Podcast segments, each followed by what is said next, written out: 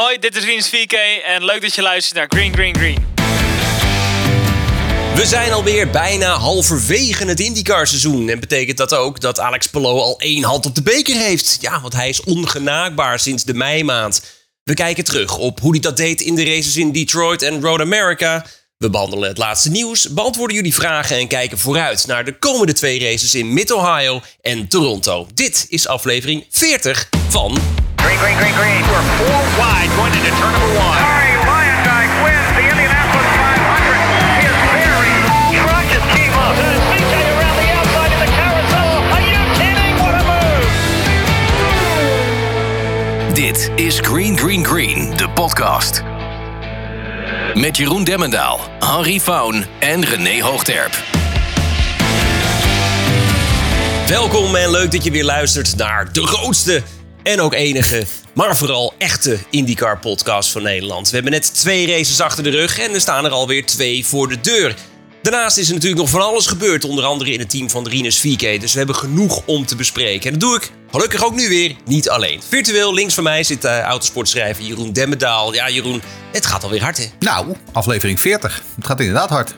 ja, en dat IndyCar seizoen, dat gaat natuurlijk ook gewoon hard inderdaad. Uh, maar ja, hè, zoals het oude spreekwoord zegt, de tijd vliegt als je het naar je zin hebt. Ja, en ter illustratie, ik, ik heb geprobeerd om te dubbelschermen tijdens die Grand Prix van Canada en Road America. Maar ik heb Canada gewoon later weer teruggekeken. Want ja, er gebeurde zoveel in Wisconsin. Uh, dat werkte voor geen meter, dat dubbelschermen. Gaan we het inderdaad zo dadelijk uh, over hebben. Virtueel rechts van mij de souffleur van feitjes en de statistieken, Henri Faun. Henri, ja, afgelopen race mocht je met Ronald van Dam samenwerken. Is het allemaal goed gegaan? Ja, volgens mij prima. Het was ook wel heel even anders. En, en er was een aantal Twitter-helden die natuurlijk Ronald wilden lynchen. Het is ook niet niks om de schoenen van de grote René Hoogterp te vullen. Maar volgens mij als invulkracht dit hij gewoon helemaal prima. Um, maar uh, ja, jij was er dus niet. Hoe was je vakantie? Zat jij ja. ergens in de bossen van uh, Wisconsin? Nee, nee, nee, nee, nee, nee, nee. Het was uh, toch gewoon uh, Noord-Italië. Ook heel fraai hoor. Maar toch wel wat regen gehad. In Nederland was het volgens mij veel beter weer de afgelopen weken. Maar ik ben er wel weer klaar voor de rest van het IndyCar seizoen. Dus ik ben er wel daar in die zin helemaal klaar voor. Ik wil eventjes teruggrijpen op, op, op Ronald. Natuurlijk, ik heb al die opmerkingen gezien. En het is... Kijk, ik, het is ontzettend lastig als jij maar voor één race in het jaar moet gaan invallen dan moet je heel veel werk doen voor één race. Ik heb het in 2021 heb ik een paar Formule 3 races moeten slash mogen doen. Omdat Rick Winkelman ziek was en iedereen moest een beetje opvangen. Ja, de eerste race, uh, Formule 3. Ik denk, ja, al die dingen lijken op elkaar. Er zijn er ook nog drie in uh, drie per team. Dus het is allemaal dat je denkt, jeutje, dat is echt heel erg lastig. Je gaat er pas weer inkomen als je de twee of drie races doet. Nou, gelukkig heb je de drie per weekend, dus dat scheelt al. Maar toen had je de drie per weekend. En toen mocht ik ook drie weekenden doen. En dan is het veel makkelijker. Dus ik wil wel heel graag. Uh, ik, ik ben Ronald weer erg dankbaar dat hij het gewoon uh, weer heeft overgenomen. Ik denk dat hij het keurig gedaan heeft. Ja, het is, het is een vak hoor. Ik mocht vorig jaar in Road America mocht ik één keertje meedoen bij de Road to Indy. Mocht ik naast de vaste commentator een keertje meepraten. Ik had geen idee waar ik moest kijken. Er gebeurde zoveel en je had al die schermen voor je. En ondertussen moet, moet je, ben je aan het nadenken van ja, ik moet geen gekke dingen zeggen. En ik vond helemaal niks. En dat is dan eens een keer geen, uh, geen Formule 1 race waar je maar uh, naar één plek hoeft te kijken. P7 of zo, daar gebeurt dan nog iets. En de rest, nou ja, kun je allemaal langs je heen laten gaan. Dit is IndyCar. Je moet gewoon uh, echt um, ja, goed opletten. Exact. En nou, volgens mij, ik heb hem nauwelijks kunnen betrappen op dat hij bijvoorbeeld een verkeerde auto noemde. Dat vond ik echt heel knap. Dus nee, pluim voor Ronald. Goed gedaan. Dankjewel, Ronald. Ja, laten we voordat we terugkijken naar de afgelopen twee races, eerst even kijken naar het nieuws. Want een paar dagen na Detroit was daar ja, toch wel plotseling het bericht dat Ed Carpenter Racing per direct afscheid neemt van Connor Daly.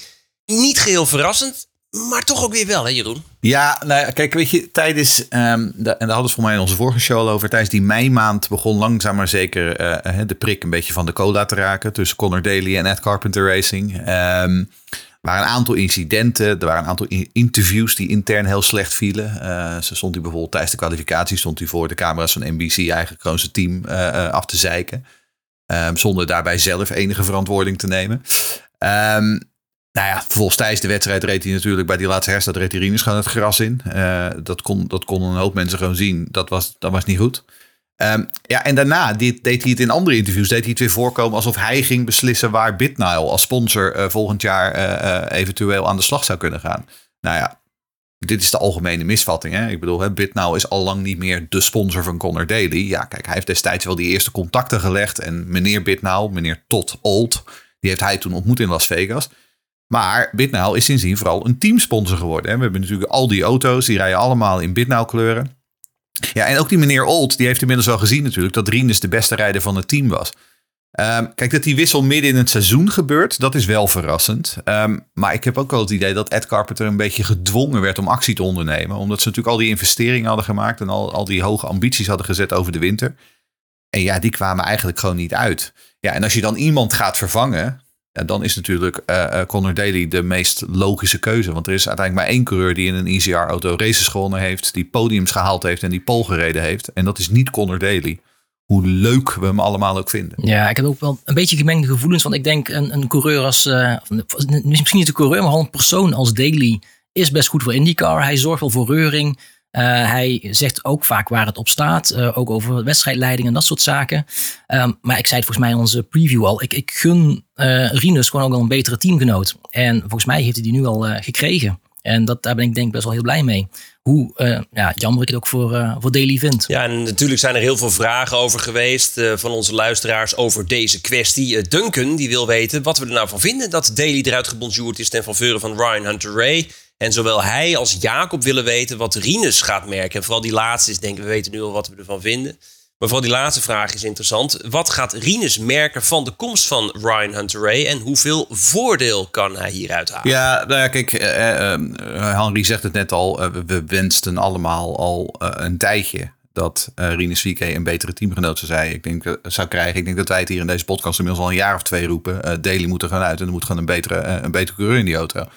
Kijk, ik vond ook dat je meteen in Road America al het verschil tussen Daly en Ryan Hunter Ray kon zien. Um, vooral op zondag vond ik dat Ryan Hunter Ray een prima race reed. Um, en zoals ik het begrijp is hij ook intern een enorme, een enorme stap voorwaarts. Uh, ze hadden na Road America hadden ze een test op Iowa, op de Oval.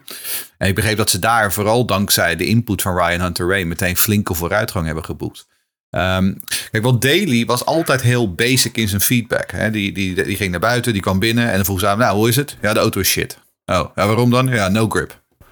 Nou, en dat kon hij dan wel zeggen. Maar waarom dat dan was, dat kon hij niet uitleggen. Um, en ik denk wel, kijk, weet je, Rinus is wel een, een coureur die, uh, ondanks nog steeds een relatief longe, jonge leeftijd, hij is wel, uh, um, uh, hij heeft die interesse wel, mag graag met zijn engineers in overleg gaan. Hij heeft ook een dik notitieboek waar hij al jarenlang ieder weekend aantekeningen in maakt. Dus hij is heel serieus mee bezig. Maar hij heeft niet de ervaring van een 42-jarige coureur die in die 500 winnaar is, die IndyCar kampioen is en die al bijna 300 races op zijn cv heeft staan. En die jarenlang bij een topteam als Andretti heeft gereden. Dus ik denk dat daar gewoon uh, absoluut uh, een stap voorwaarts in zit. En daar kan Rinus ook alleen maar een voordeel van hebben. Ja, helemaal mee eens ik denk het, het, het, um, het, meenemen van je team in wat je voelt en vervolgens aan de vertaalslag maken van ik voel dit, volgens mij moeten we die kant uit. En dat moet je ook leren. En tot nu toe heeft Rinus dat niet kunnen leren van een teamgenoot. En uh, dat kun je Rinus niet kwalijk nemen, denk ik. Maar uh, met Ryan Hunter Ray heb je natuurlijk iemand in huis die dat hem wel kan, uh, kan bij, bijbrengen in gezamenlijke teammeetings. Dus nou ja, ik, ik, zie het alleen maar de goede kant op gaan nu. Ja, dat laatste ook inderdaad, dat Rinus daar ook heel veel van kan leren. Dat is echt heel erg interessant. En, een ontzettend mooie aanvulling voor het team van Ed Carpenter Racing. Nu kwam dit nieuws natuurlijk wel vrijwel tegelijkertijd met een al eerder geplande test voor Linus Lundqvist voor het, voor het team van Ed Carpenter Racing. En dan hebben het over de Zweedse Indy Lights kampioen van vorig jaar. Dan zou je misschien wel kunnen zeggen, nou was hij dan misschien niet een logischere keuze geweest voor de langere termijn? Nou ja, dat, dat heeft natuurlijk heel erg te maken met waar ze op dit moment naar op zoek zijn. Hè? Want, want we, ze zijn wat ik zeg, ze hebben best wel geïnvesteerd in die engineering kant. Ze hadden gehoopt dat daar heel veel vooruitgang uit, uit zou komen. En dat is eigenlijk niet echt gebeurd. Wat je dan dus nodig hebt, dan heb je een ervaren kracht nodig. Um, en en uh, op dit moment hebben ze de ervaring van een Ryan Hunter Ray nodig om dat beter op de rit te krijgen. Nou, daar krijgt hij de rest van dit seizoen voor. Uh, zoals ik het begrijp is Ryan Hunter Ray wel, eh, hij is natuurlijk ook iemand die eigenlijk al met, een beetje half met pensioen was. Hij heeft gewoon een familie uh, met kinderen enzovoort. Dus het is wel echt een beetje een korte termijn oplossing. Maar als er dan over een paar maanden hè, richting de winter van 23, 24 een goede basis ligt, ja, dan kun je inderdaad gaan denken aan een jonge knul als, als Lundqvist voor 2024. Um, overigens begreep ik van zowel Rinus als van Ryan Hunter Ray uh, dat Linus Lundqvist een hele uitstekende indruk achterliet op het hele team. Um, wat natuurlijk ook wel hielp is dat hij uh, meteen sneller was dan de andere rookie die aan het testen was, Toby Sowery bij Rail Letterman. Dus ja, nu nog niet. Maar ik zou wel durven zeggen dat voor 2024 staat eh, Linus Lundqvist wel hoog op de lijst bij ECR. Ja, en zo eh, is het silly season misschien al begonnen.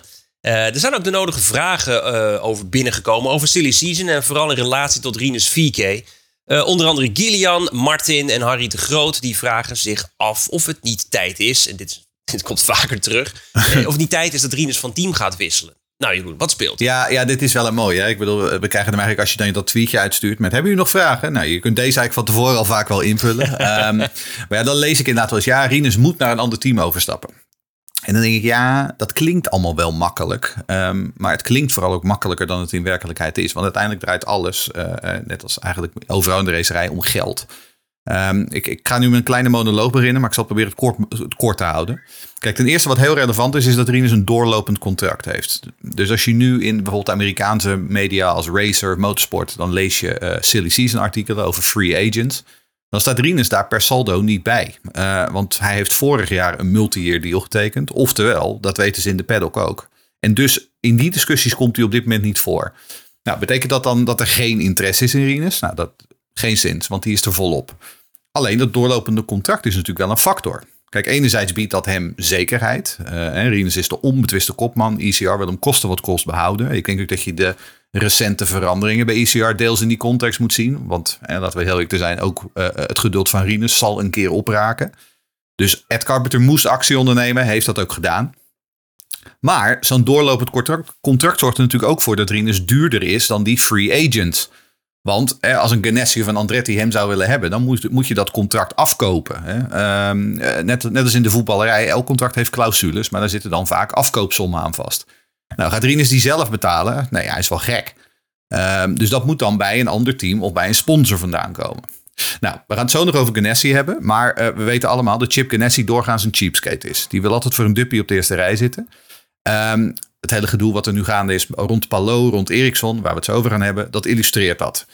Nou, een Malucas of een iLot, die nu veel genoemd worden, ja, die hebben aflopende contracten. Dus die zijn goedkoper. Um, en een Ericsson of een Armstrong, die is nog beter, want die nemen heel veel geld aan financiering mee. Echt miljoenen dollars. En dat geldt bijvoorbeeld ook voor iemand als David Malucas met zijn familie Imperium HMD. Rinus, die heeft dat geld niet. Dat, heeft, dat is heel simpel. Dat heeft hij nooit gehad ook. Uh, alleen in zijn eerste jaar, toen moest er een klein beetje geld bij bij Ed Carpenter Racing. Nou, dat kon dan, mede dankzij Jumbo. Maar sindsdien betaalt hij geen dollar meer om te racen. En natuurlijk werkt dat ook wel eens tegen hem. Hè? Um, ter illustratie, Alex Pelot betaalde in 2021 een flinke smak geld om bij Ganassi in te stappen. Um, en ik kan je vertellen, hij was destijds niet de eerste keus. En dan mogen jullie raden wie dat wel was. Nou, daarnaast is er de andere geldkwestie. Want als er een betaalde stoel is, bijvoorbeeld de DHL-wagen bij Andretti, dan speelt exposure een grote rol. Dus iemand als Romain Grosjean, hey, dan kun je zeggen ex-Formule 1-coureur. Nou, dat is goed te verkopen aan, aan de sponsoren. Uh, Marcus Ericsson, hey, die is nu extra commercieel interessant omdat hij in die 500 winnaar is. Jongens als Hurta, Kirkwood, zijn Amerikaan, dus die hebben al die nationaliteitsbonus. Ten opzichte van wat uiteindelijk gewoon een knul uit de Hollandse polder is. Enzovoort, et cetera. Kortom, het is, het is niet zo makkelijk als ah, Rinus moet gewoon overstappen naar een nieuw team. Uh, contracten, dat is een echt ding. Geld en financiering, dat is een echt ding. En dan kun je je nog afvragen, is het sportief wel een stap vooruit? Want stel nou bijvoorbeeld dat Rail Letterman of Meyer Shank Racing nu zijn manager belt en zegt, ja, wil je overstappen? Ja, is dat dan een verbetering? Kijk het waar die teams nu staan. Uh, is het dat waard uh, om Chevy, waar die enorm gewaardeerd wordt, om dat in te ruilen voor Honda en om dan je schepen te verbranden? Ook loyaliteit uh, speelt een rol. Sorry voor de lange monoloog, maar ik probeerde een beetje hier nu de context te schetsen. Ik denk dat het ontzettend duidelijk is uh, hoe, uh, hoe, de, hoe de wind waait. Uh, dankjewel Jeroen daarvoor. Dus als volgende week, of bij onze volgende uitzending, iemand weer die vraag durft te stellen, dan... start ik hem gewoon, ik heb hem al geknipt, dan start ik hem gewoon helemaal erin. Ja, Weet je wat de andere, de andere kant van het verhaal is? En dat is denk ik, uh, wat ik ook moeten benadrukken. Uh, dat het gewoon heel mooi is dat Rinus dat doorlopende contract heeft. Juist. Um, en Ed Carpenter is nu echt aan het bouwen. En hopelijk dat ze daar dit jaar al en anders volgend jaar de vruchten van gaan plukken. En dan zit hij in zijn laatste jaar van zijn contract. Denk ik. Schat ik zo in. Weet ik niet zeker. Ik ken zijn contract niet. Maar dat, dat zou goed kunnen, lijkt me. Hmm. Um, en misschien dat hij dan wel juist die stap kan maken. Juist met een paar uh, mooie resultaten in zijn, uh, in zijn achterzak. Ja, en ik denk dat het belangrijk is om te onthouden. Kijk, weet je, de doorsnee IndyCar paddock heeft inmiddels wel door waar, hè, waar zijn krachten liggen en waar die sterk in is. Ehm, kijk, en ze weten gewoon dat zijn talent boven gemiddeld is. Dat hij soms dingen doet met die auto. ehm, die eigenlijk helemaal niet in die auto zitten. En dat is ook de reden dat iemand als Connor Daly uiteindelijk de laan uitgestuurd wordt en Rinus VK niet. Omdat hij hem eigenlijk al drie jaar naar huis rijdt. Dat is gewoon zo. Kijk, en nu tegen Brian Hunter Ray. Het zal best een keer voorkomen dat Hunter Ray sneller is. Maar Hunter Ray is een oud kampioen. Hè? Is een oud Indy 500 winnaar. Brian Hunter Ray is echt een paar klappen beter dan Connor Daly. Dus het is, uiteindelijk is dat voor Rinus, waar we het eerder over hadden. Ik denk dat het alleen maar goed voor hem is. Want hij krijgt nu gewoon wat meer weerstand en daar wordt hij beter van. Ja, ik zou ook best eh, geïntimideerd zijn als ik tegen Ryan Hunter Ray. Goed, ja, nou niet alleen bij het Carpenter Racing zijn er wijzigingen geweest. Ook bij Rail Letterman Lanigan heeft het eh, behoorlijk gestormd. Misschien eindelijk heeft het gestormd, toch Harry? Ja, dat klopt. Ik bedoel, we hebben het er al vaker over gehad.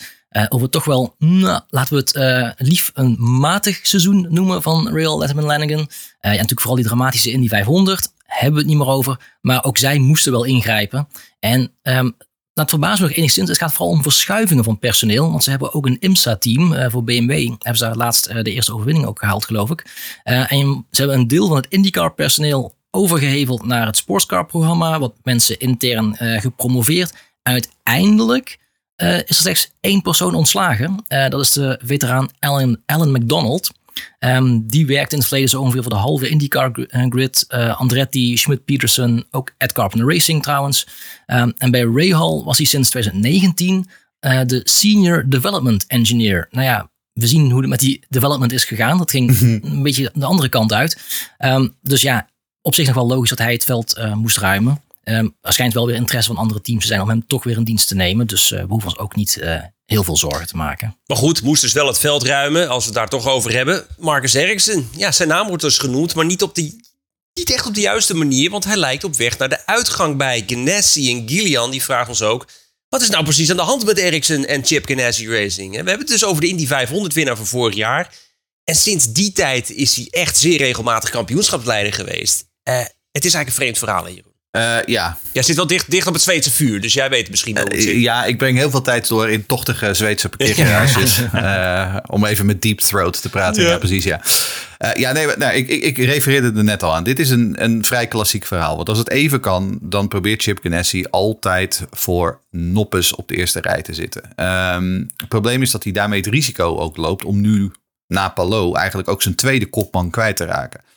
Ik bedoel, vorig jaar hebben we, hebben we het hier uitvoerig over gehad. Eh Palo die had vorig jaar al genoeg van die krenterigheid. Die zei, ik, ik, ik rij de- sterren van hemel, maar je betaalt me niet. En uiteindelijk dacht Palo, weet je wat, ik ga gewoon lekker voor McLaren tekenen. Zoek het uit met je hoofd. Ehm, nou ja, en hij vertrekt nu gewoon bij Ganassi. Want dat is, dat is, dat is toch wel echt... Er gaan nu verhalen dat, eh, dat nu op het allerlaatste moment toch heeft gezegd van... Nou, hier is 4 miljoen. Wil je dan misschien toch blijven? Maar dat schijnt nu toch echt wel... Dat is gewoon klaar. Eh, eh, Palou gaat in principe gewoon naar McLaren. Denken we. Ehm, nu is Ericsson het dus ook zat. Want we weten, Marcus Ericsson die betaalt al een aantal jaar grof geld voor zijn stoel. Eh, dat geld komt trouwens niet van Husky Chocolate, wat iedereen denkt. Want dat staat wel heel goed op zijn auto. Maar eh, er is een Zweedse miljardair ehm, die eh, van achter het Tetra Pak eh, imperium zit. Ja, de opgevouwen dozen, kartonnen dozen. Ehm, dat is eigenlijk de eigenlijke geldschieter van Marcus Ericsson. Dat was hij in de Formule 1 al, dat was hij daarvoor al. Ehm, maar inmiddels is ook die meneer Rousing, want zo heet hij, eh, die is het inmiddels ook wel een beetje zat. Die denkt, ja, eh, Marcus, je hebt nu de Indy 500 gewonnen. Je zou nu gewoon een betaalde coureur moeten kunnen worden. En daar heeft Marcus natuurlijk ook gewoon eh, wel trek naar. Ehm, en hij heeft gelijk. Maar, ja, nou, het schijnt dus allemaal een beetje stroperig te lopen in die onderhandelingen tussen Ganassi en, en, en tussen, tussen Ericsson. Nou, die frustratie die loopt inmiddels steeds hoger op. Ehm, we weten dat Andretti, die willen Ericsson graag vastleggen. Maar Marcus Ericsson die weet ook, ja, uiteindelijk is Ganassi gewoon het best presterende team op de grid. Samen met Penske, dus ik blijf liever hier. Nou, een rare padstelling heb je nu dus. En waar dit heen gaat, nou, dat hangt heel erg van Alex Palou af. Maar daar gaan we het zo meteen nog over hebben. Ehm, sowieso is het trouwens een rare situatie bij, ehm, b- bij Ganassi. Ehm, wat ook voor de andere auto's speelt geld echt wel een rol. Eh, we hebben Marcus Armstrong, hè, de rookie. Nou, die mag in principe blijven. Mag zelfs het hele volledige seizoen rijden in 2024. Ehm, maar dan moet hij het wel zelf betalen. Nou, Marcus Armstrong heeft een papa. Eh, die zit goed in de autodealerships in, in Nieuw-Zeeland. Maar wil papa Armstrong dat volle pond betalen? Dat weten we niet. Ehm, dan hebben we nog Kiffin Simpson. Wie? Kiffin Simpson. Die rijdt in de Indy Next. Ehm, is een rookie van 18 jaar. Ehm, is eigenlijk ook gewoon nog heel erg grillig dit jaar. Maar zijn familie die eh, eh, zijn eigenaar van ongeveer de halve Caribbean. Dus ergens in dat, dat ergens in 2024 of 2025 Kevin Simpson in een Ganassi-auto terecht gaat komen, dat lijkt er wel op. Want ja, Chip heeft zoiets van, nou komt u maar hier met die check en eh, dan, eh, krijg, dan, dan zet ik hem in een auto.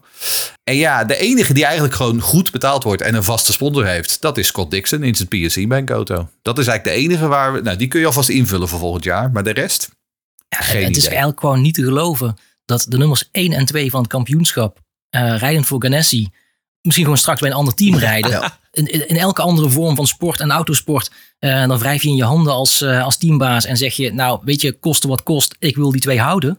Ehm, en dan ja, vooral Kiffin Simpson, met alle respect. ehm, het, is, zou ook helemaal niet des Ganassi's zijn om überhaupt iemand uit Indy Next te halen. Want dat doen ze eigenlijk normaal nooit.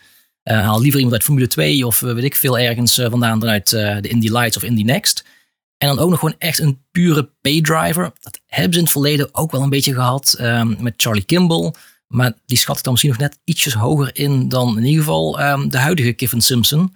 Eh, misschien met een jaartje extra in die next dat het een beetje wat wordt. Maar dan nog, ja, ik, ik vind het echt een heel vreemd verhaal. En eh, je, krijgt echt het idee van, eh, is het niet een soort van ehm, nou, ja, taartje wat helemaal eh, van binnen gevuld is met stront, dat Ganassi? Want ho- hoe stabiel is het daar dan nog? Ehm, als je je beste coureurs laat gaan omdat je liever eh, op de centen zit, ja, dan kun je wel een hele goede, goede auto hebben. Maar als je vervolgens eh, toch geen goede coureurs meer hebt, dan ja, Dixon ook een beetje over zijn, eh, toch een beetje over zijn top heen begint hij wel te raken. Nou ja, goed. Ehm, Chip zal al weten. Ja, of hij heeft al, eh, weet ik wel, hij heeft Malukas al, al, al in de wachtkamer zitten. Hè? Of Callum Island. Of weet je wat, dat, dat is natuurlijk ook. Kijk, we moeten Chip ook niet onderschatten. Want Chip is niet helemaal op zijn achterhoofd gevallen. Hè? Hij, heeft, hij heeft inmiddels al een paar kampioenschappen gewonnen. Dus hij weet een beetje hoe je dit doet. Maar het is een, het is een rare gang van zaken. En wat je zegt over Simpson. eh, Simpson heeft best wel wat talent hoor. Maar eh, die is nog lang niet klaar voor de IndyCars. En laat staan voor een, een stoel bij Ganassi. Ehm, het is een raar verhaal. Laten we het daar uiteindelijk maar op houden. Eh, watch this space, want er gaat nog genoeg gebeuren. hier. Ja, dat, dat, dat, dat, eh, ongetwijfeld. En eh nou, Indy Next is gevallen. Er is ook een silly season vraag binnengekomen van Max met een Indy Next smaakje. Denken jullie dat de huidige leider in het Next kampioenschap, dan hebben we het over Nolan Siegel, eh, volgend jaar een zitje krijgt in IndyCar? En wat vinden jullie van de prestaties van zijn teamgenoot en zijn rivaal Christian Rasmussen? Nou, Indy Next watcher, Groen. Nou ja, kijk, we hadden het net over Simpson. Simpson is 18 jaar. Simpson is een rookie. Eh, en Simpson staat uit mijn hoofd 14 of 15 in het kampioenschap. Waar staat Nolan Siegel? Helemaal bovenaan. Als rookie, ook 18 jaar. Ehm, ik, ik volg Siegel eh, eh, al een paar jaar. Hij rijdt al sinds zijn 14e in de Road to Indy. Ehm, maar hij reist, hij race eigenlijk dit jaar echt als een veteraan. Begint nu echt op stoom te komen. Want hij de afgelopen jaar was toch een beetje een diesel. Ehm, ik denk eerlijk gezegd gewoon dat hij er klaar voor is. Hij is ontzettend sterk geweest. Ehm, de vraag eh, die ik vooral heb is waar hij terecht kan. Ehm, hij rijdt dus voor HMD in Indy Next. Zou het kunnen dat hij inderdaad in eh, de HMD coinwagen kan, eh, kan rijden. Als David Malukas daar bijvoorbeeld weggaat. Ze hebben daar nog een derde auto coin. Misschien dat die beschikbaar is. Of misschien mag Stingray Rob wel gewoon weer wandelen na een jaar. Want om eerlijk te zijn, Stingray Rob, eh, die rijdt nog niet echt de pannen van het dak eh, tot dusverre dit seizoen. En we zijn al bijna halverwege. Ehm, hoe dan ook, wat belangrijk is om te onthouden, eh, ook Nolan Siegel heeft een papa. Die papa is venture capitalist, zoals dat met een mooi woord heet, in Californië. Dus Nolan Siegel, ehm, die heeft in ieder geval voldoende funding. Dat zal het probleem voor hem niet zijn. Ehm, dan, hadden we, dan had Max ook nog een vraag over Christian Rasmussen. Ehm, ja, die doet het ook wel aardig. Ehm, maar om eerlijk te zijn, die is al tweedejaars in Indy Next. Is ook al 22 jaar, dus race al een paar jaar langer. Ehm, en ondanks die extra ervaring maakt hij nog steeds af en toe wel hele domme fouten hoor. Ehm, dus als ik zou moeten kiezen nu tussen Siegel en Rasmussen, dan ging ik absoluut voor Siegel. Ja, tot slot dan nog heel even over Alex Palou. Eh, want eh, waar we dus allemaal dachten dat zijn overgang naar McLaren in kannen en kruiken was, zijn er nu opeens weer geruchten over zijn Formule 1 ambities. Voor, eh, nou ja, voor het komende seizoen. Had jij nog wat sappige verhalen over, Jeroen? Ja, ook nog, ook nog, ja. Ehm, want ik heb me inderdaad laten vertellen dat eh, eh, Alex Palou heeft getekend bij McLaren. Maar het management van Palou probeert uit alle macht om hem in 2024 op de F1-grid te krijgen. Omdat, ja, dat is uiteindelijk ook de reden dat hij destijds zo veel interesse had in het verhaal van McLaren. McLaren zit natuurlijk vol. Maar er zijn andere teams die nog niet vol zitten voor 2024. Ehm, sterker nog, eh, eh, volgens de TamTam lopen ze echt letterlijk de deur plat bij de teams in de achterhoede. Eh, en ik heb mezelf laten vertellen door een van mijn, in een van mijn Zweedse tochtige ehm, eh, parkeergarages. eh, dat ze bij Alfa onlangs letterlijk uit de hospitality gezet zijn. Omdat ze het daar wel een beetje zat waren. Omdat die mensen de hele tijd maar binnenkwamen op de buurten van... oh, willen jullie nog even onze Alex Pelot eh, tekenen? Ehm, nou ja, goed. Dan hebben we ook nog dat stoeltje van Sargent bij Williams. Want ik bedoel, nou wel, deze Sargent rijdt ook niet de sterren van de hemel. Ehm, we hebben natuurlijk, om heel eerlijk te zijn... uit verschillende hoeken gehoord de laatste weken... dat het zitje van Nick de Vries bij Alfa Tauri een reële mogelijkheid is. Nou, en dan hoor ik jullie denken, ja, maar wat dan met dat McLaren-contract? Ja, nou, er staat dus naar verluid, daar zijn ze weer een clausule in zijn contract dat hij bij een F1 aanbod. En als dat dan komt voor eind juli, dan zou die nog weg mogen. Nou ja, oftewel, hou het de komende weken nog maar in de gaten, want hier staat nog wel wat te gebeuren ook. Maar je zegt, hij heeft al een contract met McLaren. Maar officieel mag hij toch helemaal niet onderhandelen met andere partijen tot, wat was het, 1 september of zo? Officieel niet. Nou, het mag officieel niet aangekondigd worden. Maar we weten natuurlijk dat hij vorig jaar gewoon een contract getekend heeft. Nou, en vervolgens hebben ze, hebben ze in de rechtszaal een soort van wapenstilstand getekend. Waardoor eh, eh, Alex Palou nu nog steeds bij Ganassi rijdt voor dit jaar. Maar in principe is, dat, is die deal natuurlijk gewoon in kan en kruiken. Het is alleen nog niet officieel, officieel, officieel aangekondigd. Maar je maakt mij niet wijs dat hij, dat hij nog niks getekend heeft... en dat Alex Palou nog geen idee heeft eh, wat hij volgend jaar gaat doen. Het grappige is natuurlijk dat hij uiteindelijk... Hij, is, hij zit gera- het meest geramd van alle coureurs op de hele grid. En hij is degene die uiteindelijk eh, de spil is in de hele silly season. Net als vorig jaar. Ik weet niet hoe hij het voor elkaar krijgt, maar hij krijgt het voor elkaar. Het is niet heel eh, palogisch. nou goed, eh, genoeg over het gekonkel achter de schermen. Tijd om te racen. En dat deden we de afgelopen weken in Detroit en Road America. Even het geheugen opfrissen. Het is green, green, green in Detroit. Gaat het allemaal goed? In Indy Next hadden we al de nodige ellende gezien. Ja hoor, daar gaat het meteen mis. Nou, Power die wacht daar niet op. Oh, ja, ja, ja, ja, ja. Goed zeg, Will. Buiten kijken en dan vervolgens binnen doorsteken. Oh, klap daar de muur in. Oh, Ward, jongen. Rinus Viek aan de binnenkant. VK. Rechts in beeld. Breed houden. VK er voorbij. Ja, goede actie. Grosjean. Ach, ach, ach zeg. Oh, Hurt naar de muur in. Hurt raakte naar de muur en VK er voorbij. Wat is erachter gebeurd? Hé, hé, hé. Ja, daar ligt de voorvleugel van uh, Rinus VK. Jongen, jongen, jongen. Alex Ballo. Wint voor Honda in Chevy Country. En weg zijn we met voornaam Colton Hurta. Die is de polepositie niet helemaal eh, weet te verzilveren. Stapje van Grosjean, ja. Het is eh, niet het weekend van Romain Grosjean hoor. Zo. Pallo, Pallo heeft Colton Hurta te pakken. Nieuwe leider in de race. Zeven ronden nog te gaan. De Grand Prix at Road America. Het zijn de laatste bochten voor Alex Palou. En daar is hij afgevlacht als winnaar voor de zevende keer in zijn carrière. Voor de derde maal dit seizoen, ook de derde maal in de laatste vier races. Ja, ja, ja, de baas is tevreden. In onze vorige aflevering hadden we het over de wat inspiratieloze layout van het circuit in Detroit. Eh Rinus noemde het hier in de show al een slecht getekende oval. maar ja, wat vonden we nou eigenlijk in de praktijk van? Of in de woorden van luisteraar Tom Plaum, is het nieuwe stratencircuit volgens jullie een verbetering ten opzichte van het circuit op Belle Isle? Nou, een verbetering ten opzichte van Belle Isle? Nee, niet echt. Eh, dat was natuurlijk ook een stuiterbaan, maar dat was wel een mooier en uitdagender circuit.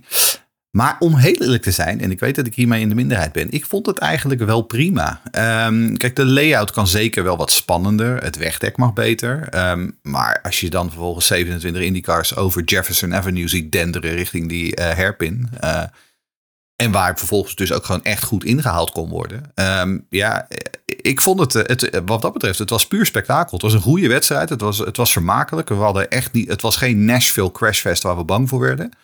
Ehm, dus uiteindelijk, ik vond het allemaal wel meevallen. Maar er zal ongetwijfeld wat veranderd eh, gaan worden eh, voor 2024. Want de reacties vanuit de paddock die waren niet mals. Vooral als de, als de microfoons van NBC even weg waren. Ehm, en je had het eerder al, Henry. eh eh Conor Daly altijd een beetje uitgesproken. Ehm, toen, ik geloof dat IndyCar op Twitter vroeg van post je favoriete IndyCar memes. En toen postte hij een layout van het Detroit circuit.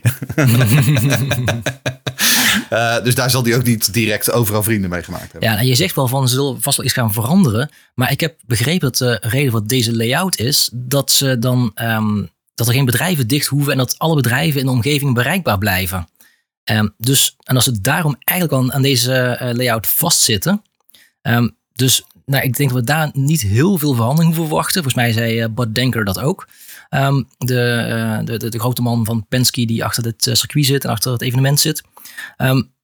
Maar ik hoop wel dat ze nog voor elkaar kunnen krijgen om, uh, om die Jefferson Avenue misschien een beetje wat meer te asfal beter te asfalteren of die hobbels weg te halen. Want dat zorgde ook ervoor dat het inhalen eigenlijk juist wel een stukje moeilijker was. Dus als ze die weg kunnen halen, dan heb je een nog mooiere race volgend jaar. Al heb ik ook wel begrepen dat dat weer een hele kluif is. Want je hebt gewoon met drie partijen te maken die daar over de straten gaan. een deel is eigendom van General Motors, een deel is van de stad Detroit. Maar Jefferson Avenue is alweer van de staat Michigan. Dus dat is misschien weer wat lastiger onderhandelen over eh, wie daar eh, mag eh, asfalteren. Politiek. Politiek. Ja, maar wat vond, je Ja. dan, wat vond je dan verder van uh, Henri? Nou, ik moet eerlijk zeggen, afgezien van, van, van die hairpin en, en die bochten daaromheen en het uh, toerijdende hairpin, ben ik er niet heel erg warm van. En wat me ook een beetje tegenviel, was als ze eigenlijk heel weinig werk maakten om, um, om Detroit een beetje mooi in beeld te brengen. Natuurlijk, het Randstand kwam wel heel veel in beeld, maar ze rijden langs een aantal kunstwerken, de Spirit of Detroit. Ik had ze allemaal in zo'n lijstje gezet van, van ah, hier kom je langs, daar kom je langs. Ja, ja. En dat gewoon allemaal niet in beeld. Het, het kan echt wel iets, uh, iets mooier, met een paar mooie shots van, uh, ook van langs de rivier af. Precies. Um, nou ja, dat, dat kan nog wel wat beter. Um, ja, de race viel me uiteindelijk wel heel erg mee. Maar het, ja, vergeleken met uh, Belle Isle ja, is het toch een beetje een achteruitgang, vind ik wel. Ja, je noemt Bel Aal. En het leuke is, uh, je zag, volgens mij was het in de kwalificatie deden ze dat. Dan zag je een shot van een heli, dan, dan draaiden ze. Je vroeg eigenlijk al af wanneer gaan ze het doen. Ah, daar was het dan. Uh, dat ze dus gingen wegdraaien naar Bel Aal. En toen dacht ik, weet je, dat is eigenlijk best wel vrij. En gek genoeg, ik vond het eigenlijk de afgelopen jaren Bel Aal vond ik ook niet zo heel erg mooi. Maar als je dat er nu zag, zonder alle vangrails, zonder alle uh, beton... Uh, muren. Ik denk, nou, het is eigenlijk best wel een vrij park. Maar goed, uh, we moeten het hier eventjes mee doen. Uh, dan het raceweekend zelf. Ja, waar moeten we beginnen? dan gaan we toch gewoon maar weer over Alex Palou hebben. Want het is, ja, het is echt een geweldenaar. Hè? Ja, hij, hij was gewoon foutloos. in de kwalificatie, in de race. op een gegeven moment had hij nog een, geloof ik, ergens een misfire met zijn bak. Maar eigenlijk geen moment echt in, in gevaar geweest. Hij zit op dit moment echt in een, nou, zullen we hem noemen? Max Verstappen-achtige vorm. Is dit niet de F1-referentiebel? Het is, hij, hij zit echt in de vorm van zijn leven, momenteel. Um, en, en dat is natuurlijk eigenlijk de grote vraag die nu speelt, zo halverwege het seizoen. Van wie gaat Alex Palou nog van de titel afhouden? Want uh, nou ja, hij legt, we gaan het zo nog over Road America hebben, maar hij legde hier natuurlijk al wel uh, een goede basis. Ja, en, uh, nou, dus een, een, een vrij dominante overwinning voor Alex Palou. Wie vonden we verder eigenlijk sterk? Power, toch ook wel knap naar voren gekomen? Ja, zeker. Um, vooral die inhaalacties. Power lukt het wel gewoon heel vaak uh, om, om het, uh, ja, het, het, trucje eerst naar buiten, dan naar binnen. Um, om, om mensen in te halen. Hij was wel de, de smaakmaker van de, van de race. En ja, als je dan over uh, smaakmakers hebt, dan heb je het ook gewoon over de beste v- nieuwe vriend van, van Will Power. It's your boy Flavor Flav. Ja, ik... het mooie is, als ik er weer aan terugdenk. Uh, hij werd aangekondigd tijdens de voorbeschouwing van de, van de, van de, ja, de pre-race show in, in, van NBC. En wij zitten naast elkaar en ik zit van, ik zag hem, en dus ik zet even de microfoons uit en ik zeg, Henri, ik zag hem gisteren ook tijdens de kwalificatie. Wie is hij nou eigenlijk?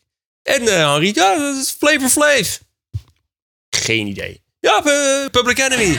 Fight the power. Ik heb echt geen idee. Ik, nou, sorry, dat was dus, uh, dus ik dan naar dus Henri dan zegt, oh, Flavor Flav. Dus ik zeg, oh, Flavor Flav, Public Enemy. Geen idee. Maar goed, het was, uh, ik denk wel dat het, het was wel um, goed, denk ik, dat zo'n, zo'n, zo'n, nou, kennelijk groot dat hij wel eventjes uh, um, zo aandacht uh, gaf op IndyCar en op de race. Ik denk dat dat wel heel sterk is. En dat is toch wel de laatste jaren mis je dat misschien wel. Echt van dat soort grote... Al was het wel zo dat ze tijdens de wedstrijd... op een gegeven moment gingen ze wel heel vaak naar hem toe. Je op een gegeven moment, ik geloof bij de derde of de vierde keer... toen zag je Kevin Lee, oh, oh ik moet hem weer interviewen nu. Oh, uh, wat zal ik hem nu weer eens vragen?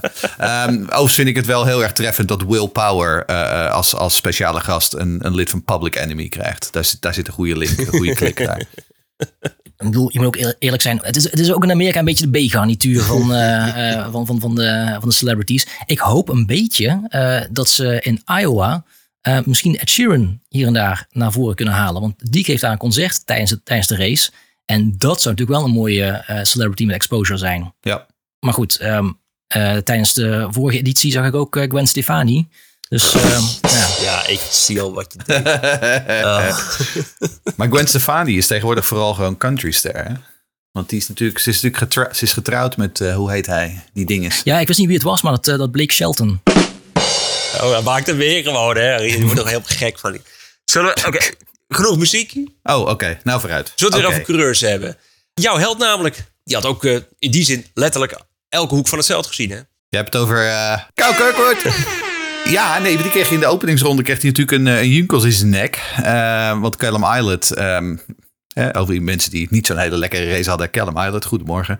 Ehm, ja, en toen moest eh Kyle Kirkwood dus zonder achtervleugel helemaal naar de pits rijden. Nou, dat gaat niet snel natuurlijk, vooral niet op zijn stratenbaan.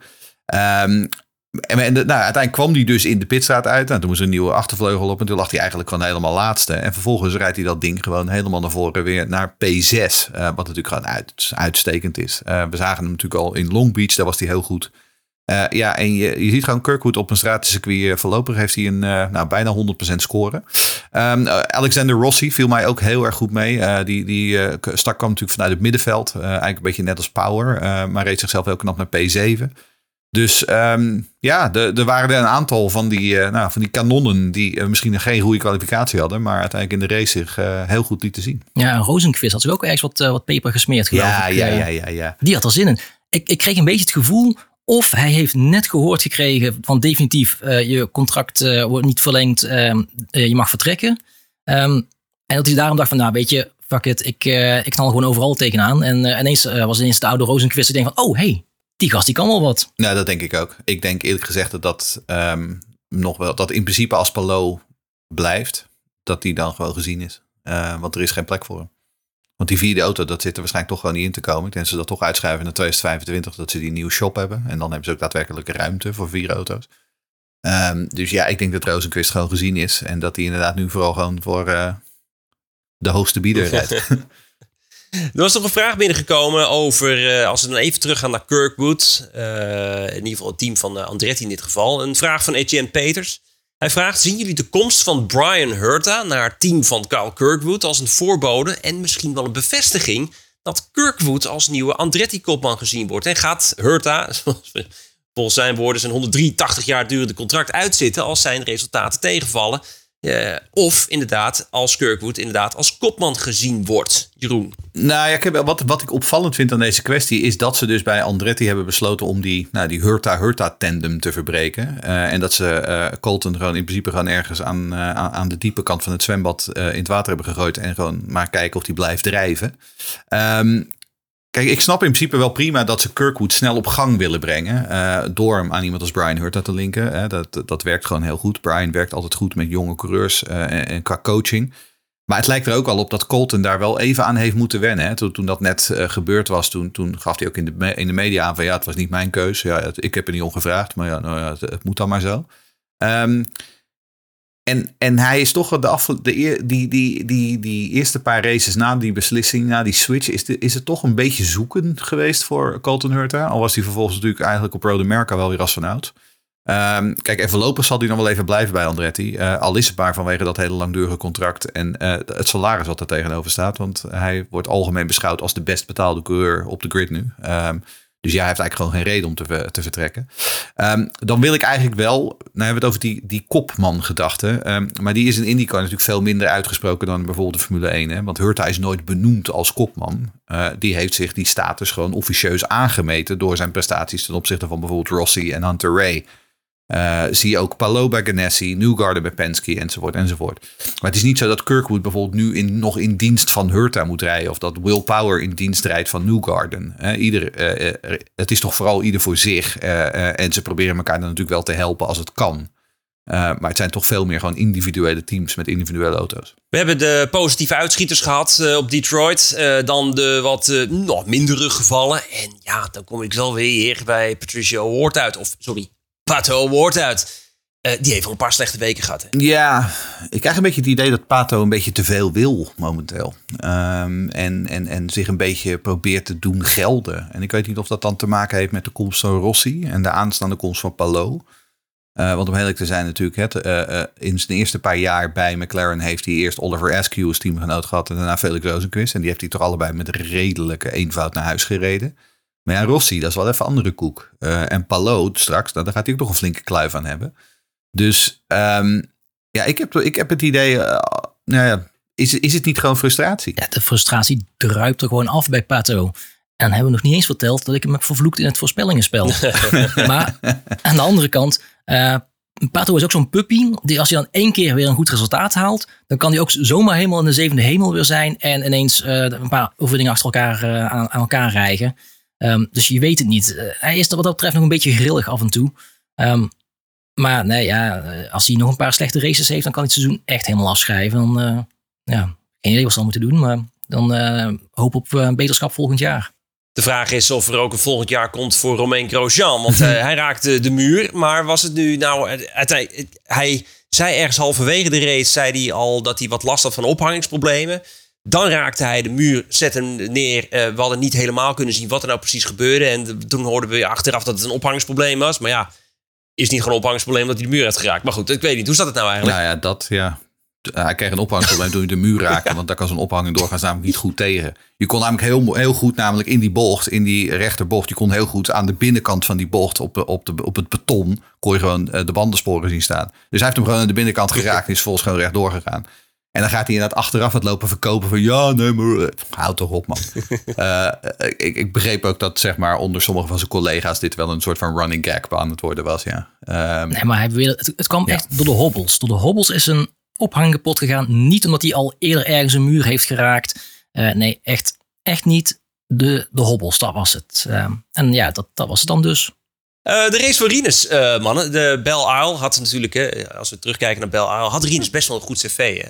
Eh, is dit dan gewoon het gewoon een geval van echt, ah, mm, echt botte pech? En dan ook pech voor ons als kijker, omdat we niet precies konden zien wat er gebeurde. Het was allemaal echt in de uiterste hoeken van het scherm. Zag je net aan dat hij weg, weggedrukt werd. Maar wat gebeurde er nou precies? Maar die had er gewoon een top 10 toch zeker in Ja? Hurta, lul. Eh, zo simpel is het natuurlijk. Ehm, maar ja, ook hier weer, daar gaan we het zo nog over hebben. De kwestie van de penalties. Maar ook Hurta kreeg geen penalty hè, hiervoor. Ehm, geen, geen, geen straf. Ehm, maar ja, wat je zegt, prima wedstrijd van Rines. Werkte zichzelf gewoon prima naar voren. Had gewoon dik in de top 10 moeten finishen.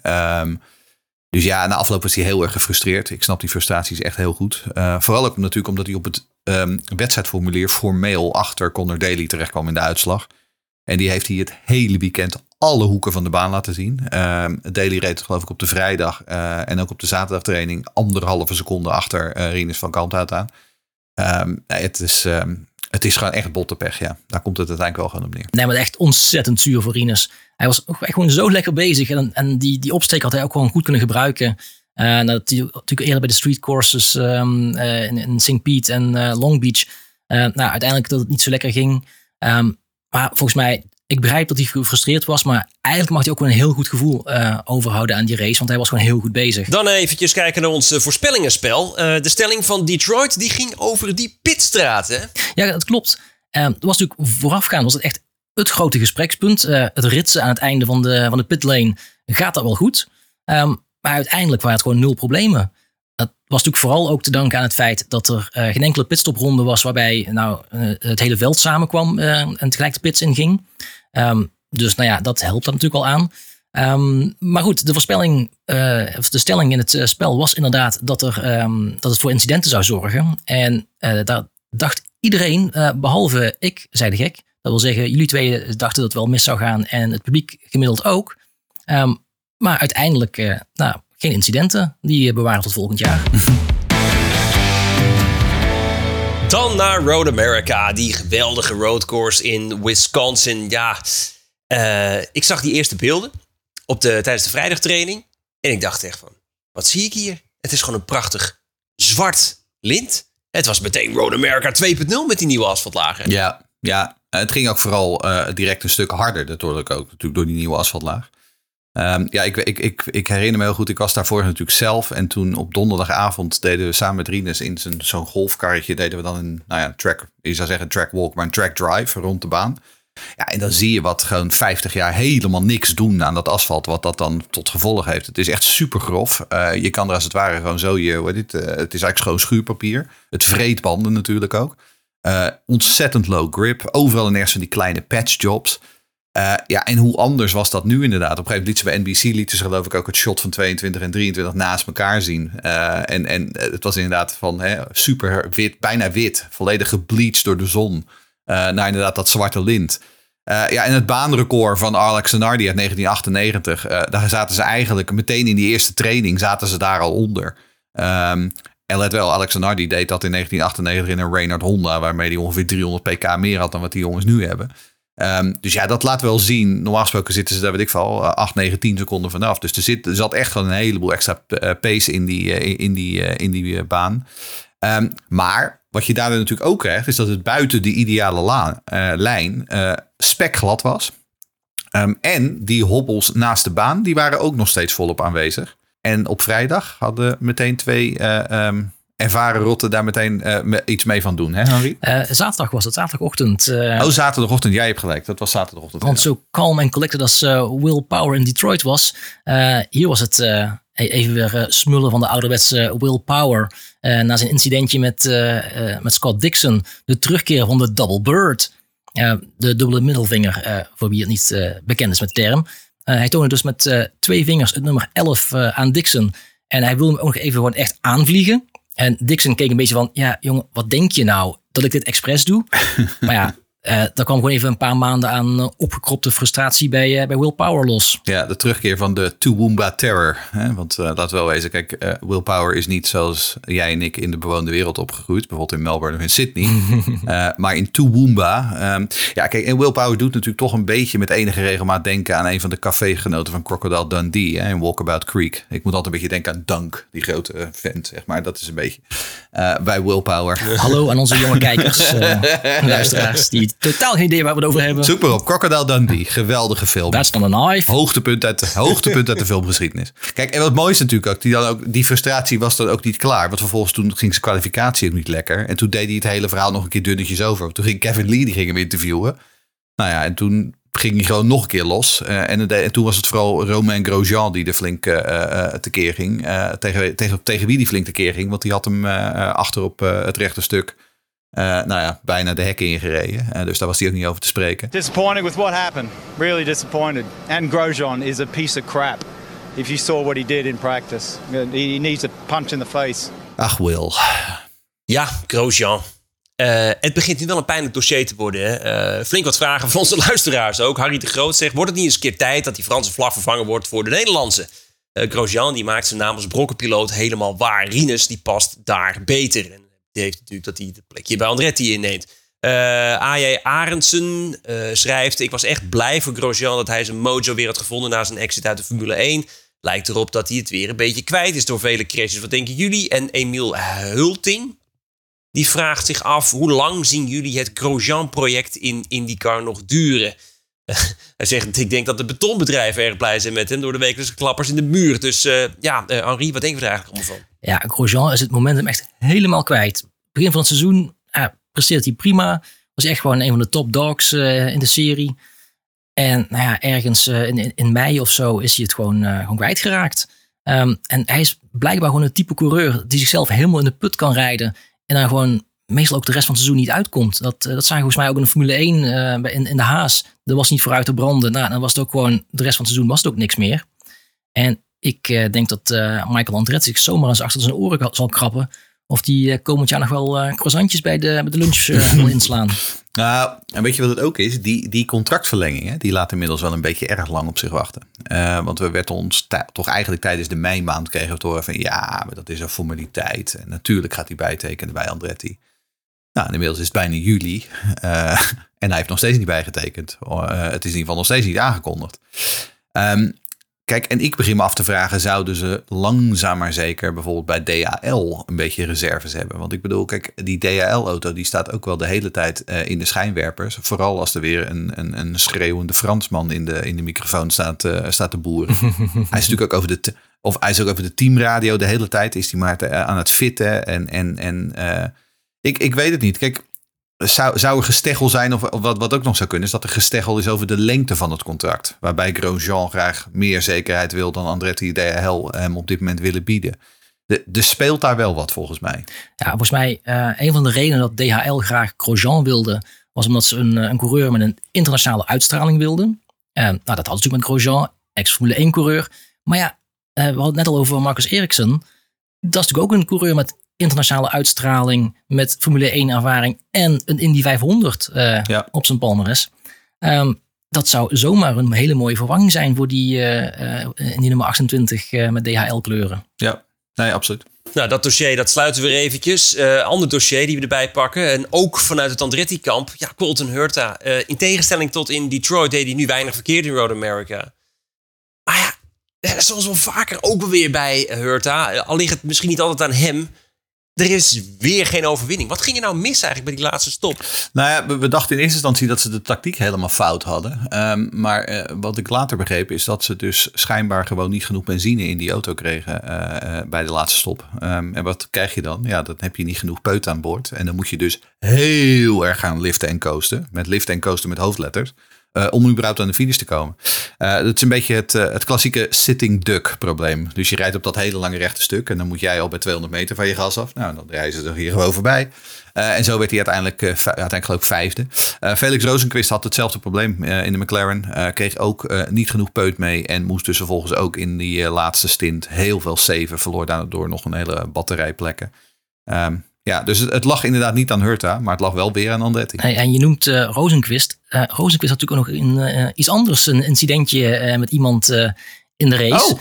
Ehm, ik weet niet of je dat is opgevallen. Maar ehm, wat mij in ieder geval opviel, en volgens mij ook meer mensen en meer coureurs opvielen, was dat ze liet wel heel veel toe bij de wedstrijdleiding. Ehm, nou ja, het was een jumpstart van, v, van, niet van VK, van Harvey. Die ook nog eens een keer op, op Twitter uitgemeten werd van, oh Ja. kijk, chef's kiss, wat een prachtige start.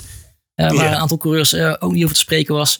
Ehm, nou, VK die tikte dus Rosenquist aan. Ehm Newgarden had ook wel een, een, een, een aardig schouderduw aan, aan Loenkaart.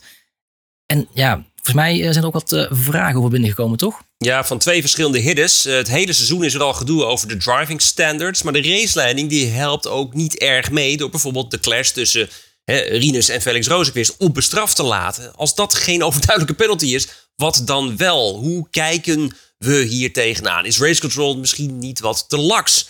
Eh, vroeger zou het toch echt wel avoidable contact zijn? Ja, nee, eh, ik ben het er helemaal mee eens. En, en de vraag is natuurlijk, eh, welk precedent zeg je hiermee? Ehm, maar het, het lijkt een beetje alsof dat precedent eerder in het seizoen al gezet is. Grosjean versus McLaughlin in St. Petersburg. Dat mocht.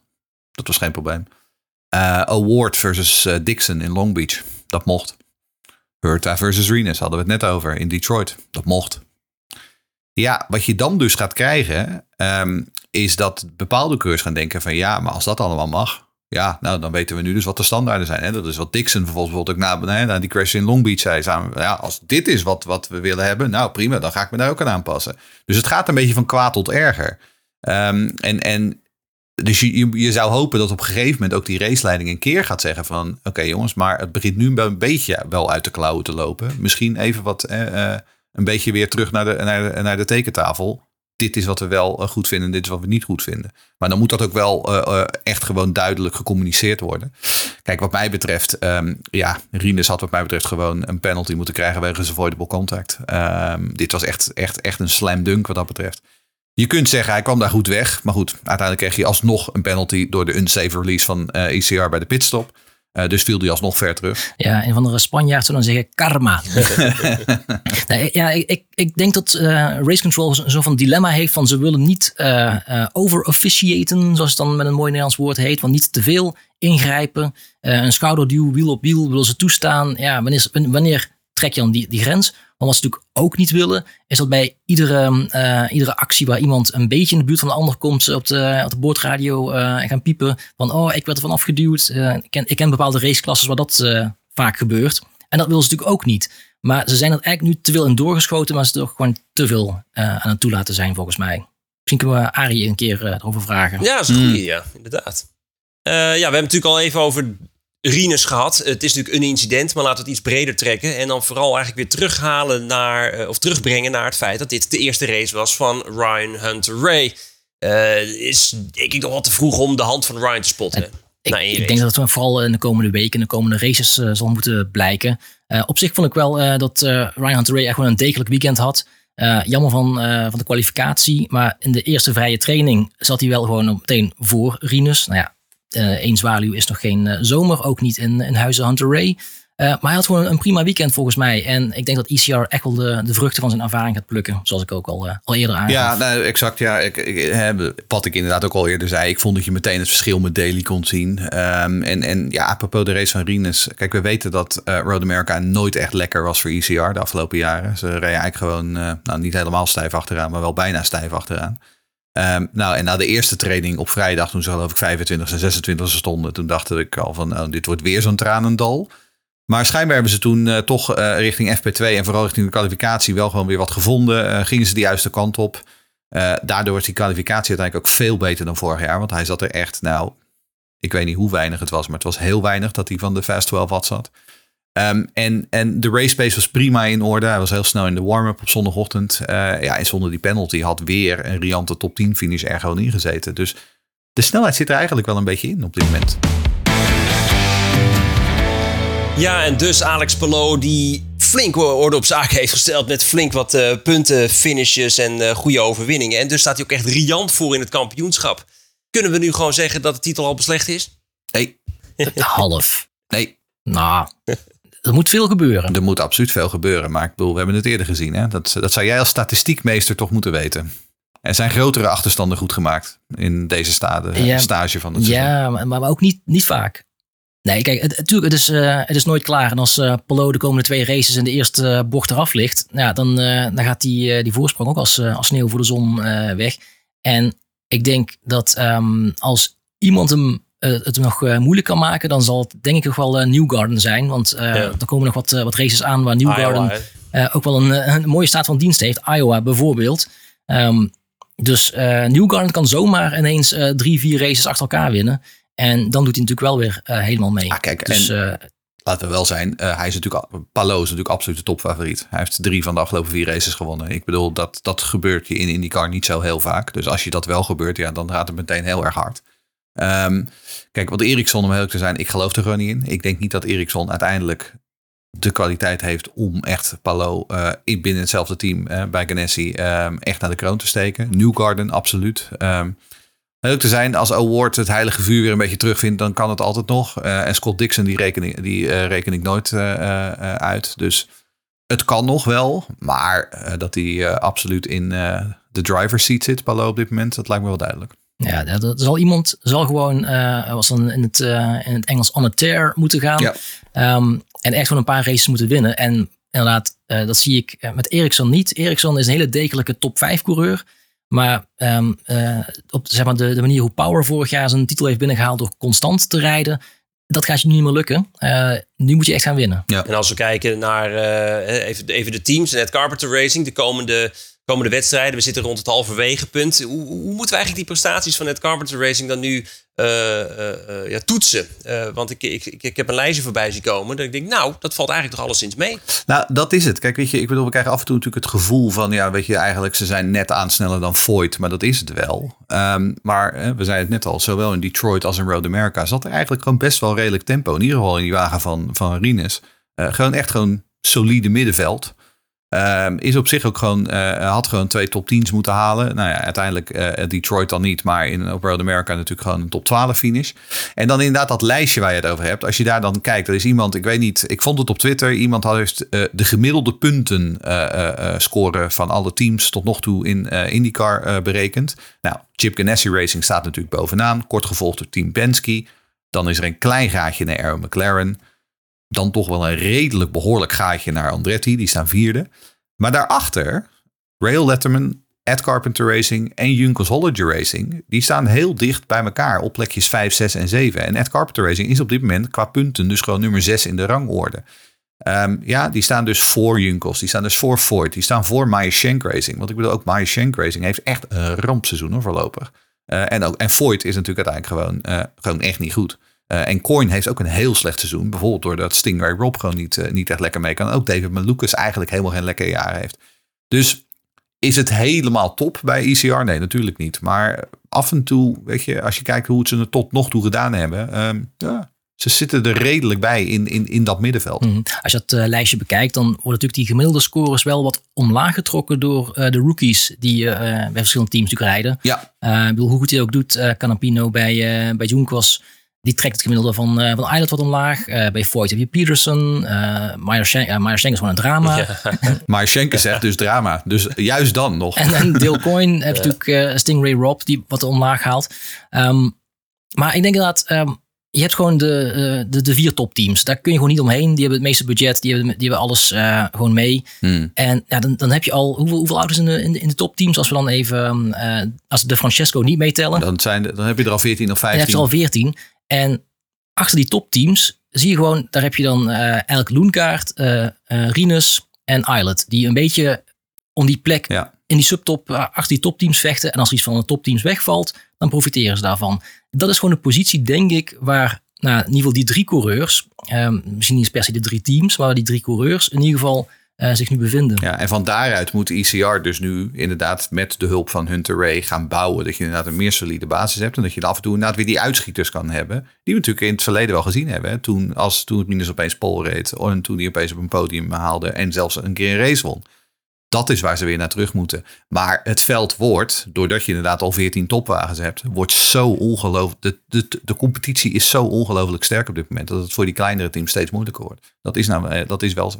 We hebben het net ook over de rookies gehad. Je noemde het al, Henri. Uh, die strijd om Rookie of the Year, dat uh, wordt wel spannend of blijft spannend ook in de tweede helft van het seizoen. Uh, als we daar nu naar kijken, is het Armstrong die daar nu 20 punten voor op Canapino staat. Maar inmiddels is het toch wel bevestigd dat Sato de resterende drie oval races rijdt. Waaronder dus de twee ovals op Iowa. Um, ja, even was er dus sprake dat Sato alleen Texas en Indy zou rijden. Maar goed, uh, en dat dus Armstrong die andere ovals zou doen. Maar dat gebeurt dus niet. En daarmee kunnen Canapino, Peterson en eventueel Stinger Rob veel punten op Armstrong gaan inlopen. Dus in die zin is het ook wel heel erg interessant om dat in, te gaan, in de gaten te houden. En er is ook nog een, een, een, een nieuwtje voor een overzeese race die toch wel lijkt te gaan te gebeuren in 2024. Hè, Henri? Uh, ja, ja, er zijn... Um je hoort um, Mark Miles, um, de, de, de, CEO van, uh, van Penske Entertainment of in ieder geval iets van IndyCar, een grote baas. Um, die hoor je over een internationale race die er gaat gebeuren. nou, Argentinië staat dan hoog op de nominatie. Ik hoor ook geluiden uit Sao Paulo. Dat zou dan op Interlagos zijn, wat natuurlijk een ontzettend vette baan is. Dus dat zou heel mooi zijn. maar het zou dan wel waarschijnlijk een non-championship race gaan worden. Dus niet meetellend voor het kampioenschap. Ik zie Jeroen opeens heel erg uh, wegtrekken. Ja, sorry, ik moet even in mijn ogen wrijven. Ik word hier altijd heel moe van als ik dit soort verhalen hoor.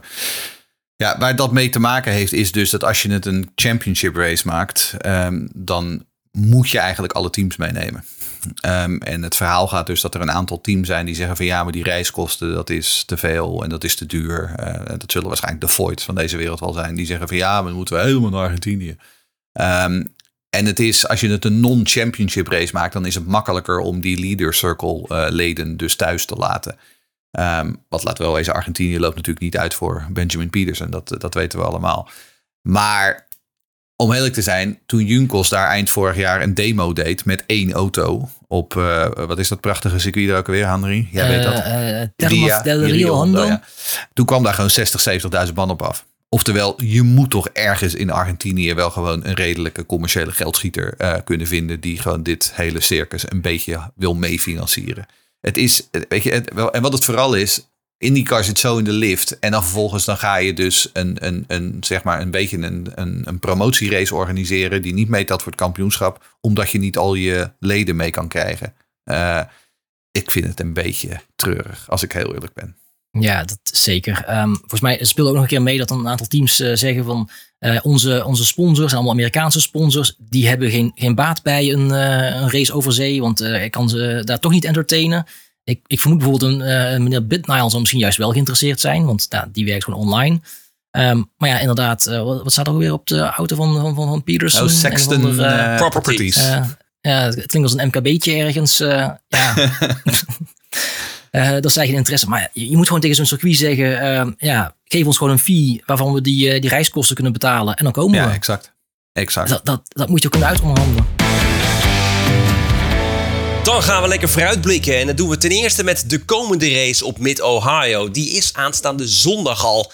Ja, dat is ook weer zo'n heerlijke klassieker. Ja, lekker oldschool. Hè? Dat is toch wel gewoon echt een van de mooiste roadcourses in de VS, wat mij betreft. Ook ehm, die pitboxen zijn heel mooi. Dat zijn in principe gewoon de oude schuurtjes waar ze nog in staan. En dan kun je dan zeg maar, als je, als je, als je daar als bezoeker bent, dan kun je als je wil, kun je zeg maar op een soort van loopband in het dak, zeg maar, in de nok van, eh, van, die, van dat garagegebouw. En dan kun je dus zo naar beneden in die garages kijken. Ja, prachtig. Alsof je, zo, alsof je weer terug bent in de jaren 50. Ehm, probleem is ook dat, dat asfalt er ongeveer al ligt sinds de jaren 50. Ehm, eh, wat, hè, wat ze dus op Road America wel gedaan hebben, is een repave. Dat hebben ze op Mid-Ohio nog steeds niet gedaan. Ehm, dus ja, we mogen wel hopen dat het droog blijft. Want anders wordt het waarschijnlijk een glijpartij zonder weergaan. Ik heb nieuws voor je. Volgens mij gaat het niet droog blijven volgens de laatste voorspellingen. Oké, dat wordt leuk. Interessant. Ja, er wordt ook onweer voorspeld. Dat vind ik dan weer minder, want dan wordt hij stilgelegd. Dat is minder inderdaad, ja. Ehm, nee, maar Mid-Ohio, mooie baan. En als je Mid-Ohio zegt, dan zeg je Scott Dixon. Hij won hier zes keer, eh, reed dertien keer in de top vijf. Eh, en in de paddock noemden ze deze race ook wel de Scott Dixon Invitational. Ehm, maar, maar, in de laatste negen races stond hij maar één keer op het podium. Dat was wel bovenop het podium, op, de- op P1. Ehm, maar het was echt de afgelopen edities eerder een, soort Penske-feestje met eh, McLaughlin vorig jaar, eh Newgarden en Power in de jaren daarvoor. Ehm, en iemand die trouwens ook wel vaak goed gaat is eh, Rossi op Mid-Ohio. Ja, als we dan kijken naar eh Mid-Ohio, dat is een thuisrace voor twee teams die best wel wat thuisvoordeel kunnen gebruiken. Dan hebben we het over team, de teams van Rail Letterman Lanigan en Meyer Shank Racing. Ja, wat voorspellen we voor die teams eigenlijk? Nou, voor MSR verwacht ik gewoon een eh, voortdurend tranendal. Ehm, want het is eigenlijk gewoon het hele jaar al niks. Eh, en ik vrees dat dat gewoon... eh, die, die zijn volgens mij al met volgend jaar bezig. Die hebben dit jaar gewoon opgegeven. Ehm, ik bedoel, ze staan, eh, wat is het, 24ste en eh 20ste in het kampioenschap. Dus daar ga je al. Ehm, ja, ik denk dat dit toch wel echt de laatste kans is voor, eh, voor Jack Harvey. Om te laten zien dat hij mag blijven bij eh, Rail Letterman. Eh, als hij echt nog wat wil, dan moet hij vanaf nu toch wel gewoon echt een paar keer heel goed gaan scoren. Ehm, echt, echt in lijn met zijn maatje Lundgaard. Want anders vrees ik toch dat het voor Baker Jack gewoon, gewoon klaar en over is na dit seizoen. Ja, ik verwacht van de, de thuisteams eigenlijk helemaal niks. Eh hooguit Loengaard, maar dat is dan natuurlijk geen verrassing meer, want die doet altijd wel, eh, wel lekker mee. Ehm, nee, ik, ik, als je dan naar voorspellingen kijkt, dan denk ik dat het echt eens een keer tijd wordt voor Arrow McLaren. Want we hebben het al over de topteams, maar ze hebben gewoon nog steeds geen race gewonnen dit jaar. Ehm, en gevoelsmatig, het zou één van alle drie kunnen zijn die wint. Ook Rosenquist, die werd hier al een keer eh, tweede, toen nog voor Ganassi. Ehm, ik, nou, ik zet volgens mij elke week mijn geld op, op McLaren en op Rossi, maar ik, eh, ik lust wel weer zo'n halve donut eh, van Rossi. ja, die is mooi. Eh, ja, jongens, die- we hebben het toch over voorspellingen in dit geval. Wat was onze stelling in ons voorspellingenspel, Henry? Nou, die stelling die was in ieder geval niet voorbereid op een regenrace. Ehm, de stelling was, Mid-Ohio wordt een cautionvrije race. Wat op zich daar nog niet eens een gek idee is. Ehm, en René, jij vond het helemaal geen gek idee. Want jij zei, dat klopt. Maar ik hoorde dus net dat het gaat regenen. ja, Oké. Voorlopig. Hè? Niks zo veranderlijk als het weer. Het gaat Ehm, pas regenen als IndyCar Weatherman het zegt op Twitter. Ja, die zegt dat dus. Ja, hè. die heeft het wel gezegd. Dus. En die zegt het. Nou ja, daar ga je al.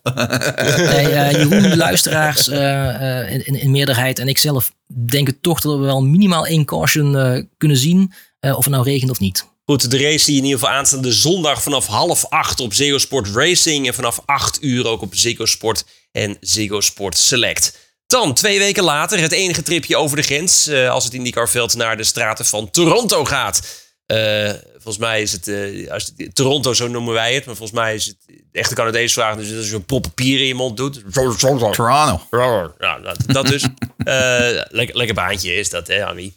Ja, lekkere stratenbaan. En ook een geweldige locatie. Ik vind Toronto, ik, ik ben er een keer geweest, is ook wel een van de fijnere steden in Noord-Amerika. Die heeft een hele, hele leuke vibe, vind ik dat. Ehm, fijne stad. Eh, alleen een beetje jammer dat ze een paar jaar geleden die pitstraat hebben moeten verplaatsen. eh, van het rechte stuk naar nou ja, de laatste twee, drie bochten. Eh, omdat er een, een nieuw hotel was gebouwd en nou, er was geen plek meer voor een pitstraat.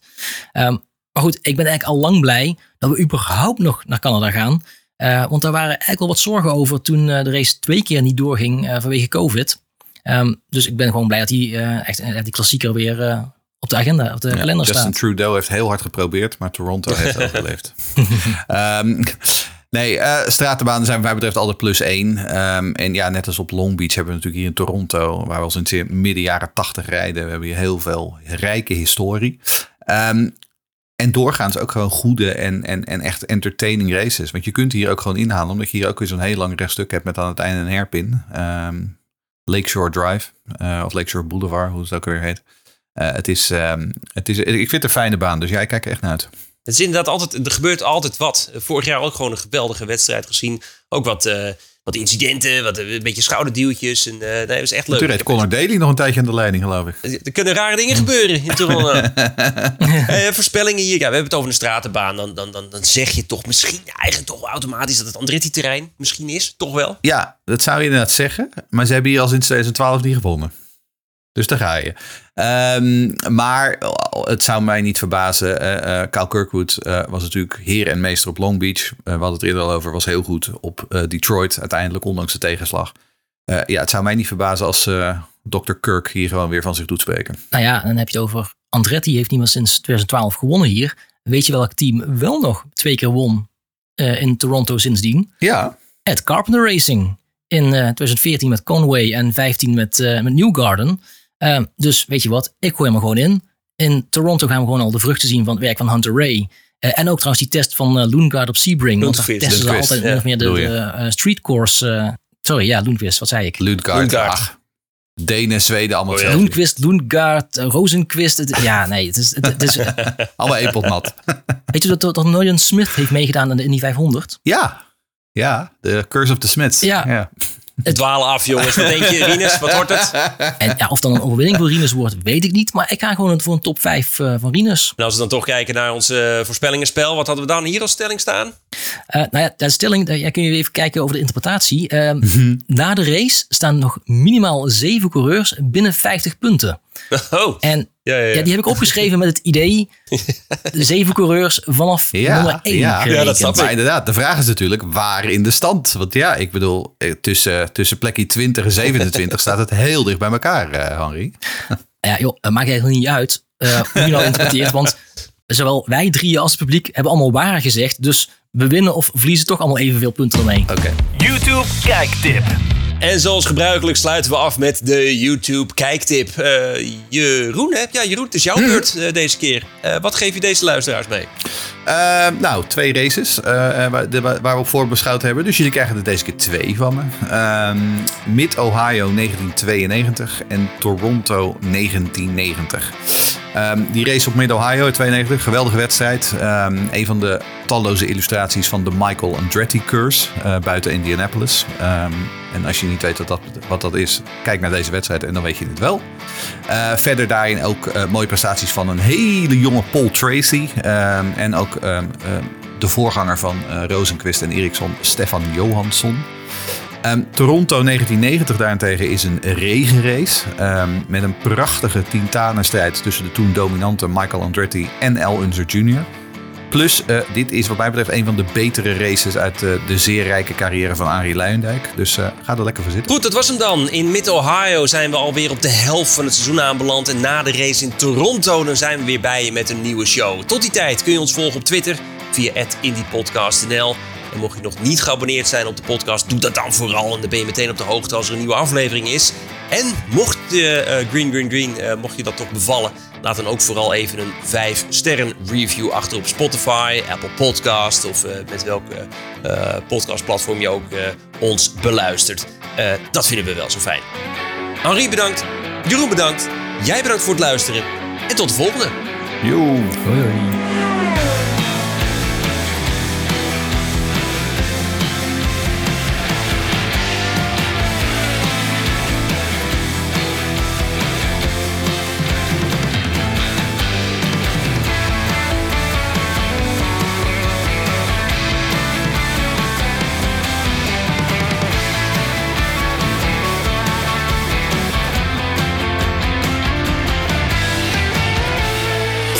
hoi. laatste IndyCar nieuws van Green Green Green op Twitter via @indypodcastnl en abonneer je op Green Green Green via je favoriete podcastplatform.